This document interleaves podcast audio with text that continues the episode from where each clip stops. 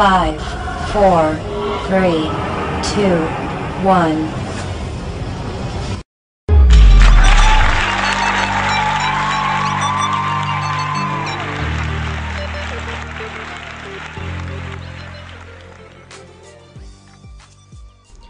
Woi gendut, gimana kabarnya? Abis pulang dari Bali, gue lihat makin gemuk aja. gendat gendut gendat gendut Hmm. oleh-oleh dari kantong masih gendat gendut gendat gendut Iya, gue kan care sama lu. Gue cuman nggak mau lu bertambah gemuk lagi aja nih. Lu nggak ngeliat baju lu. Kemarin tuh lu bilang udah banyak yang nggak muat. Ke kondangan dia kemarin minjem baju gue. Shh, jangan bilang-bilang dong nanti pada tahu gue kan kondangan minjem baju lu bukan karena baju gue nggak muat tapi karena uh, baju gue kekecilan Oh, apa bedanya? baju gue kekecilan bukan badan gue yang membesar Oke. salah bajunya di, abis dicuci dia mengecil Oke, oke. berat badan gue masih oke kok gue masih ini kayaknya masih oke lah Ah, boleh, boleh. Kita tinggal buktikan aja dengan nanti baju-baju yang akan datang ya. oke semoga saya pinjam baju anda lagi ya Siap.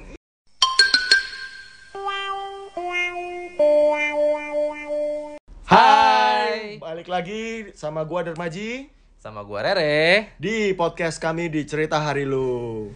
jangan panggil gue gendut ya Oke. hari ini kita mau bahas apa kak Ji? ya hari ini kita akan bahas sebuah film dari eh, Ernest Prakasa ya. ya Eh, sebuah film yang tadi erat kaitannya dengan eh, Gendut. gendut, body shaming, kepercayaan diri juga. Ya, mungkin teman-teman pasti udah tahu nih. Nah, judul filmnya adalah Imperfect.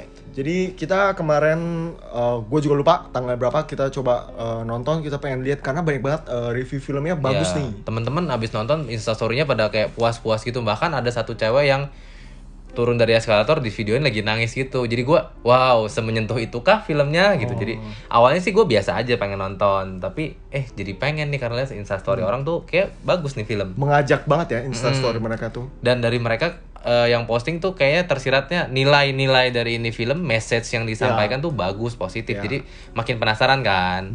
Gue juga eh, kebetulan suka banget nonton sebuah film yang banyak banget value dan nilai-nilainya sih. Dan ketika kami berdua nonton film ini, benar-benar kita shock banget bahwa banyak banget hal yang diulas di film ini. Ya. Eh, balik lagi sih ke berbicara soal eh, pertama ya, kalau dari sudut pandang gue tuh lebih kayak kasih sayang orang tua. Oke. Waktu di awal eh, udah ada perbedaan kasih sayang antara eh, Kakak dan kakak dan adik. Jadi dari situ gue bener nangkap banget sih. Kalau kita sebagai parents kita membedakan anak kita kasih sayang siapa itu kan ngefek sampai mereka dewasa bahkan kepercayaan diri mereka dan lain hal sebagainya. Ya. Kalau itu juga berdampak sih dari ya dari gambar orang tuanya dulu seperti apa sih? Karena ketika dilihat di ending filmnya rupanya mamanya sendiri itu melakukan tindakan seperti itu karena dia merasa tidak percaya diri dengan badannya lagi. Iya. Gara-gara dia hamil anak yang pertama dan eh, bad- bentuk badannya tidak kembali lagi seperti dulu. Ya, jadi karena mamanya dulu model, maksudnya mamanya dulu yang dipuja-puja karena badan kan. Yes. Jadi bodinya yang gitar Spanyol. Terus tiba-tiba karena berbadan dua dan anak kedua juga udah lahir, jadinya eh baru anak pertama Bukan ya anak pertama, ya. karena anak pertama itu waktu itu di Besar dalam kandungan ya, gendut betul ya. 4 kilo waktu 4 itu. kilo. Jadi di dalam kandungan digendut dan dia jadi kayak rusak gambar dirinya, kayak Betul. minder dan tujuan dia marahin anaknya sebenarnya cuma karena dia nggak mau anaknya ngalamin kayak dia ya. Betul, betul. Bukan karena bukan dia nyalahin gara-gara lu lahir nih gue jadi badannya rusak enggak sebenarnya ya. Nah, tapi tambahan dari situ Kak, gue juga nganggapnya gini sih. Kalau misalkan kita sebagai parents, kita hanya memarahi aja, tapi kita nggak menjelaskan Kenapa? poinnya kenapa. Anak ini juga bisa jadi kayak salah paham. Kenapa sih nyokap gua itu benci gua? Iya, nyokap yang gua didapetin gua. yang didapetin anaknya cuma ngerasa dibedain ya. Betul. Karena dia punya dede yang putih mulus sedangkan dia gembrot kalau stres gembrot hitam kalau stres makan coklat. Betul. Itu gue. Jadi di sini kita ngeliat sih, maksudnya eh, salah satu nilai buat gua juga. Kalau gua jadi parent suatu saat nanti, gue juga harus belajar buat gua jangan membedakan anak. Dan ketika gua ingin melarang anak gua, gue juga harus memberikan mereka gambaran bahwa kenapa sih lu nggak boleh melakukan hal ini supaya mereka mengerti gitu. Jadi Betul. mereka nggak salah paham. Betul. Nah ini eh, value pertama gua nih kak. Kalau lu gimana? Kalau gue gue dapetinnya yang orang tua belakangan sih lebih nyadarnya waktu mamanya ngejelasin. Tapi gue pribadi langsung whole story sih kayaknya nih. Jadi kan memang dia gendut, terus dia pengen jadi kurus. Sebenarnya menurut gue gini, sah-sah aja sih orang mau jadi kurus, mau jadi gendut. Orang bukannya berarti setelah nonton Imperfect ini orang nggak boleh ada yang diet. Iya. Bukan berarti semua orang, oh iya gendut itu berharga, aduh semua orang lomba-lomba makan jadi gendut. Iya. Nggak juga, kesehatan tetap nomor satu. Kalau buat gue pribadi, poinnya adalah bukan apa kata orang, tapi kebahagiaan itu diukur dari diri kita sendiri. Yes. Apakah dengan kita kurus kita jadi bahagia? Ah, iya. Tentunya si Jessica Mila itu enggak gitu. Iya. Abis dia kurus, dia kehilangan pacarnya yang dia cinta banget, gila pacarnya yang udah support dia, bahkan keluarga pacarnya, mamanya yang udah sayang dia banget. Terus dia kan dulu ngajar di sekolah itu, maksudnya itu lingkungan hangatnya dia, Yes. lepas semua gitu, sahabatnya dia lepas semua. Kayaknya walaupun kesannya happy, tapi ada kekosongan. Jadi Iya. itu buat gue kayaknya ya kebahagiaan nggak diukur dari gendut atau kurus. Nah, berkaitan soal itu juga, gue suka banget dengan kalimat yang diucapin sama si aktris ini. Gue lupa karakternya namanya Faye apa Te, apa Lay apa Tay. Nah, gue lupa lah. Kita pikun ya berdua. tiap kali tiap kali kita review film nama karakternya nggak ada yang bener. Nah, gue suka banget dengan Sebut saja namanya Jessica Mila, nama sebenarnya. bukan si Jessica Mila sih, Oh, bukan. temennya, temennya. Oh, temennya. Nah, jadi waktu itu dia bilang, oke, lu boleh jadi kurus, lu boleh berusaha mengejar segala sesuatu yang lu nggak bisa dapetin, tapi lu jangan lupa juga bahwa lu bisa kehilangan segala sesuatu yang lu udah dapetin. Yes. Itu gue bener berasa kayak gue kena banget salah satunya di situ karena kepikiran sih, maksudnya kayak oh mungkin kita terkadang mengejar segala sesuatu ya mungkin eh, segala sesuatu yang kita pengen banget miliki, Mhm. pengen banget kita kejar-kejar. Tapi terkadang kita lupa bahwa kita juga udah punya nih suatu hal yang berharga. Kalau Iya. kita terlalu fokus mengejar hal itu, hal yang berharga ini bisa juga terlepas dari kita. Iya iya iya. itu gue benar kena sih value-nya. Betul betul. Di luar film ini juga banyak kan kadang yang bahkan iklan YouTube juga pernah ada kan yang papanya sibuk benerin jam. Oh iya, Tokopedia tuh. Ya anaknya mau main, terus akhirnya waktu-waktu begitu anak eh, bap- bapaknya mau main sama anaknya udah tua, istrinya udah meninggal. ya. Iya. Tapi ini value-nya yang relate gitu ya. Iya. Terus kalau gue sendiri dapetin lagi tentang ya persahabatan lagi sih, mata bagaimana eh, kita sebagai sahabat mendukung kondisi teman kita tuh apa adanya Oh iya. eh temen si V ini nggak pernah marahin temennya karena gendut ma- malah mereka enjoy sarapan bubur tiap pagi ya kan? Hmm. Yes, betul. Maksudnya kayak tapi ya nggak bisa kita telan bulat-bulat sih isi filmnya maksudnya ketika teman kita nanti someday kita ketemu temen kayak tadi lu nasehatin gue gue udah gendut bukan berarti wah kok lu begini kan kemarin film ngajarinnya begitu Iya. Hmm. nggak seperti itu juga mungkin emang teman kita care sama kita Yes. jadi menurut gue poinnya sekali lagi bukan tentang bendut atau kurusnya sih. Tidak ada salahnya orang mau jadi kurus. Betul. Tidak ada salahnya orang membiarkan dirinya gendut. Yang penting sehat. Yang penting kebahagiaan dari dalam diri. Gitu sama. Nah ini ini gue balikin ke diri gue sendiri nih. Sebagai pria, gue, aduh, gue ngebayangin diri gue sebagai si Reza Rahadian kemarin Iya. ketika gue punya pacar tidak cantik tidak Langsing. langsing terus dia cinta banget gitu loh Eh bisa nggak ya gue gitu Wala- walaupun kadang kalau di mulut itu gampang Iya, memukau sih kemarin gue liatnya. Iya gitu jadi sweet banget gitu loh hubungan Iya. mereka Mata ya mungkin secara pribadi pengen gitu punya hubungannya seperti itu tapi eh kemarin jadi pertanyaan mungkin bukan cuma masalah body ya tapi gue jadi punya pertanyaan gini bagaimana ketika pasangan gue itu eh tidak seindah pandangan umum Seindah itu pasti mungkin konteksnya berbicara soal fisik, berbicara soal personality juga. Ya, nggak cuma fisik nih, personalitinya contoh. Apakah dia orang yang menyenangkan di mata umum? Hmm. Ataukah dia memang orang yang cukup dewasa di mata umum? Nah, bagaimana kalau dia tidak? Oh. Tapi gue cinta dia. Gitu. Gimana gue mereaksi? Gimana gue tetap sayang sama dia? Gimana gue tetap support dia? Gimana gue tidak berusaha merubah dia seperti yang gue ingini doang? Tapi Ya. itu belajar banget sih. Ya gue juga lihat sih, eh baik lagi nih, eh, ada value yang menurut gue juga kena banget gue ketika si Dika karakternya eh, Zahra Hadian, tumben gue inget. betul betul. Dia ngirimin foto waktu si eh, Rara atau karakter Jessica Mila ini masih gemuk. Di belakangnya dia tulis, kalau lu mengejar kesempurnaan, kasih gue waktu untuk gue bisa menerima itu karena gue udah terlanjur mencintai ketidakkesempurnaan lu. Sah, gila dalam banget. Gila, gue bener berasa kayak oke berbicara soal konteks pasangan baik lagi kayak yang tadi Kak Rere bilang sih.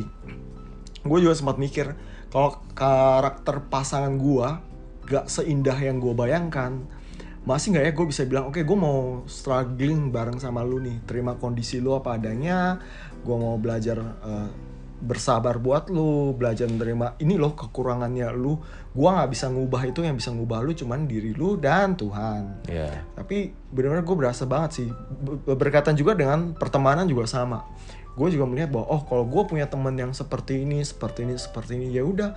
Mereka ya memang dari sananya seperti itu. Memang ada waktu momennya gue harus memberi mereka masukan atau teguran tetapi pasti akan lebih besar momennya di mana gue harus belajar bersabar menerima mereka. Ini loh kekurangannya mereka seperti itu. Harusnya gue menjadi pribadi yang bisa menutupi kekurangan mereka. Itu sih yang kemarin gue dapetin banget di ending value nya seperti itu sih kak. Betul betul betul. Jadi mem iya itu kena juga Eh, menerima kekurangan orang itu nggak gampang. Yes. Kayak gampang diucap tapi tidak gampang dijalanin Mbak. ya nggak usah ngomongin pacar lah ya. Betul ngomongin teman ngomongin geng gitu juga. Yes. Eh, terkadang kita gampang kecewa sama orang ya kayak geng gitu ribut-ribut sama temen apa sih penyebabnya? Kecewa. Ya kecewa karena apa? Karena kita punya ekspektasi terhadap sikap baik Ya. terhadap sikap positif. Contoh ah gue nggak mau main lagi lah sama kak Aji lah mulutnya ini nyablak. Masa kemarin gue gara-gara ini doang gue di eh, diomelin di depan umum. Nah itu kan kekurangan seseorang. Betul. Atau gue nggak mau lah temenan sama dia lagi lah dia datang terlambat terus.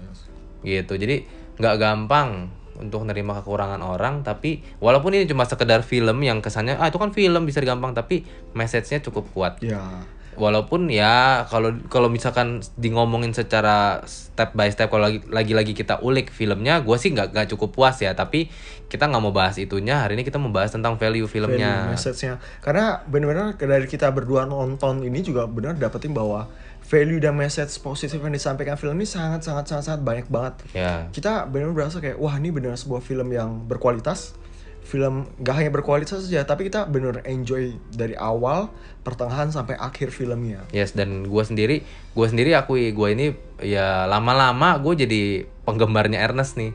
Karena menurut gue Ernest nih orangnya sangat apa ya honest jujur sama setiap karya-karyanya dia gitu. Kayak setiap karya-karya yang dihasilin itu memuaskan. Iya. jarang ada yang jelek. Ya mungkin eh, orang tidak pernah ada yang sempurna ya.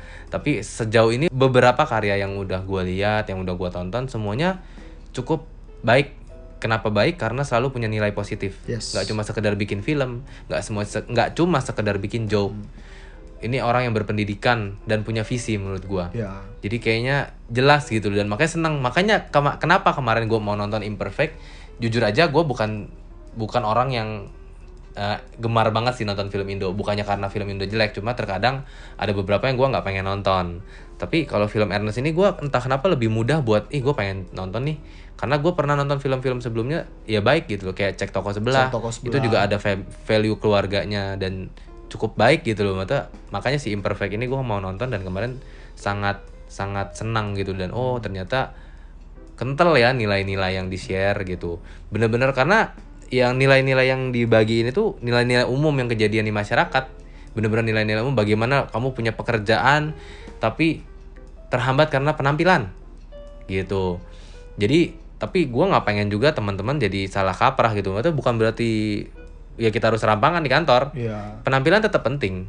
Baga- kenapa penampilan penting ya? Karena bagaimanapun orang melihat casing, Yes, bener nggak? Kita betul. ketemu orang, kita dilihat tuh luarnya dulu. Iya. Nggak mungkin kan kita langsung orang tuh ketemu, oh gue mau di, misalkan Kak Haji nih sebagai ini nih, eh, katakanlah datang sebagai sales sebuah perusahaan. Terus gue mau mau invest nih di perusahaannya Kak Haji, terus gue datang nggak langsung tempelin tangan di dada, oh ketahuan nih orang baik. kan nggak mungkin kan?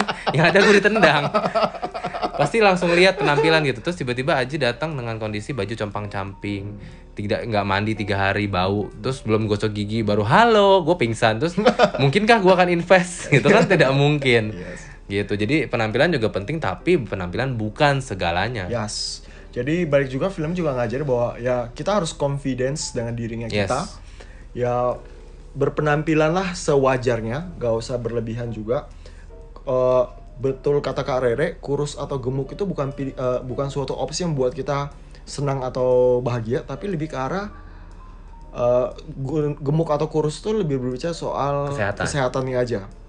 Dan balik lagi kebahagiaan tuh yang menentukan adalah diri kita sendiri. betul betul dan kalau ngomongin tentang confident itu ya kita harus terima kondisi kita sekarang contoh gue sekarang gendut nih gue belum bisa kurus ya sudah gue terima kondisi gue sekarang tapi sambil berusaha Yes. bukan berarti udah deh gue nanti berusahanya tunggu kurus deh salah. Atau bukan berarti ya gue kan gendut gue nggak berharga gue nggak bisa ngapa-ngapain jadi gue down terus setiap hari gue mengasihani diri terus setiap hari.